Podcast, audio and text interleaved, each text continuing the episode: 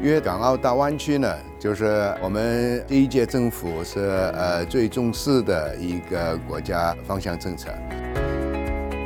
大湾区嘅嗰个构思出嚟咧，系令到好多嘅机遇系以前未谂过嘅。未來一啲好重要嘅項目，特別咧係希望咧將我哋香港或者國際嘅經驗引入呢個大灣區嘅發展嘅項目裏邊。粤港澳大湾区纲要出台，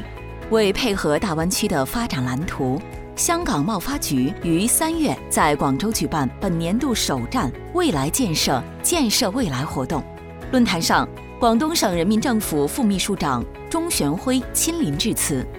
论坛吸引超过五百多名广东省政商界代表参与讨论环节和商贸配对等交流活动，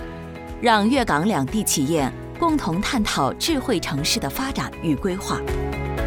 香港呢，是一国两制下面呢，是是一个最国际化的一个城市。那么在金融啊、专业服务啊、贸易啊、航运啊这方面呢，都是已经是发展多年，在世界上面也处于一个领先的呃地位。所以呢，我觉得香港在大湾区里面呢，肯定可以服务啊我们这个湾区，呃，辐射到呃世界各地去的。论坛聚焦智慧城市科技，以及探讨城市可持续和综合发展。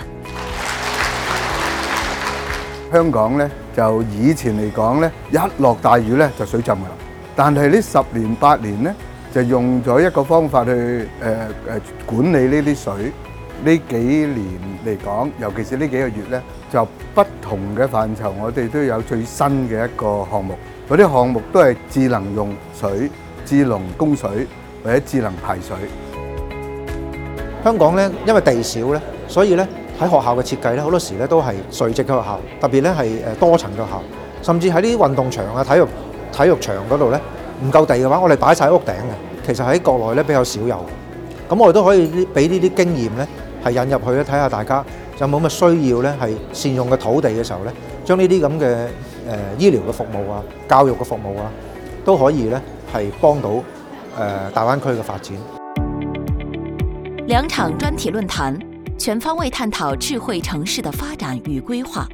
首場集中討論如何建設創新和宜居的大都會，同時也阐述香港基建及城市規劃到市政、物業開發嘅經驗。而家智能城市咧，一定要設計海綿城市。我估好多其他城市。或者新嘅設計嘅城市都會採用呢個概念。咁而呢啲概念咧，就其實就係一啲必須基本嘅嘅嘢嚟嘅。香港嗰個特別係鐵路上蓋發展嘅經驗咧，其實咧係可以引入去大灣區咧，係更加發展得一個有效咁樣使用交通網絡嘅方便同埋土地發展嘅上蓋嘅使用嘅潛力，包括商業、誒辦公同埋居住、休閒娛樂。等等呢，係可以一個綜合嘅發展，利用地鐵嘅交通網絡呢，係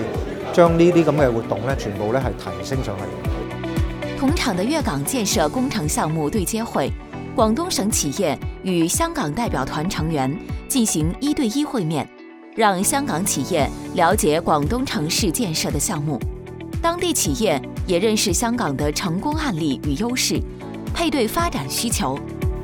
香港跟世界其他各地的一些专业的团体呢，也是有很紧密的联系，所以呢，在呃世界上面最顶尖的一些技术来说呢，我们都是能够充分掌握。那么跟内地的一些业界合作呢，不单只是在大湾区里面发展，呃，我觉得呢，在内地其他地方，甚至乎是我们携手到呃海外去，也是可以，呃。扬帆出海。除了参与论坛，香港贸发局亦带领代表团实地考察广东省的最新发展项目。香港贸发局已和大湾区其余九个城市和澳门签署了合作备忘录，未来将与广东省政府加强合作，带领粤港两地企业走出去。探索成熟及新兴市场，包括“一带一路”沿线国家的投资合作商机。我觉得呢个论坛有咁嘅机会，将大家嘅经验咧系互相咧系分享咧，系非常之一个好好嘅一个机会啦。呢个论坛呢，都是希望响应我们国家这个大湾区嘅政策。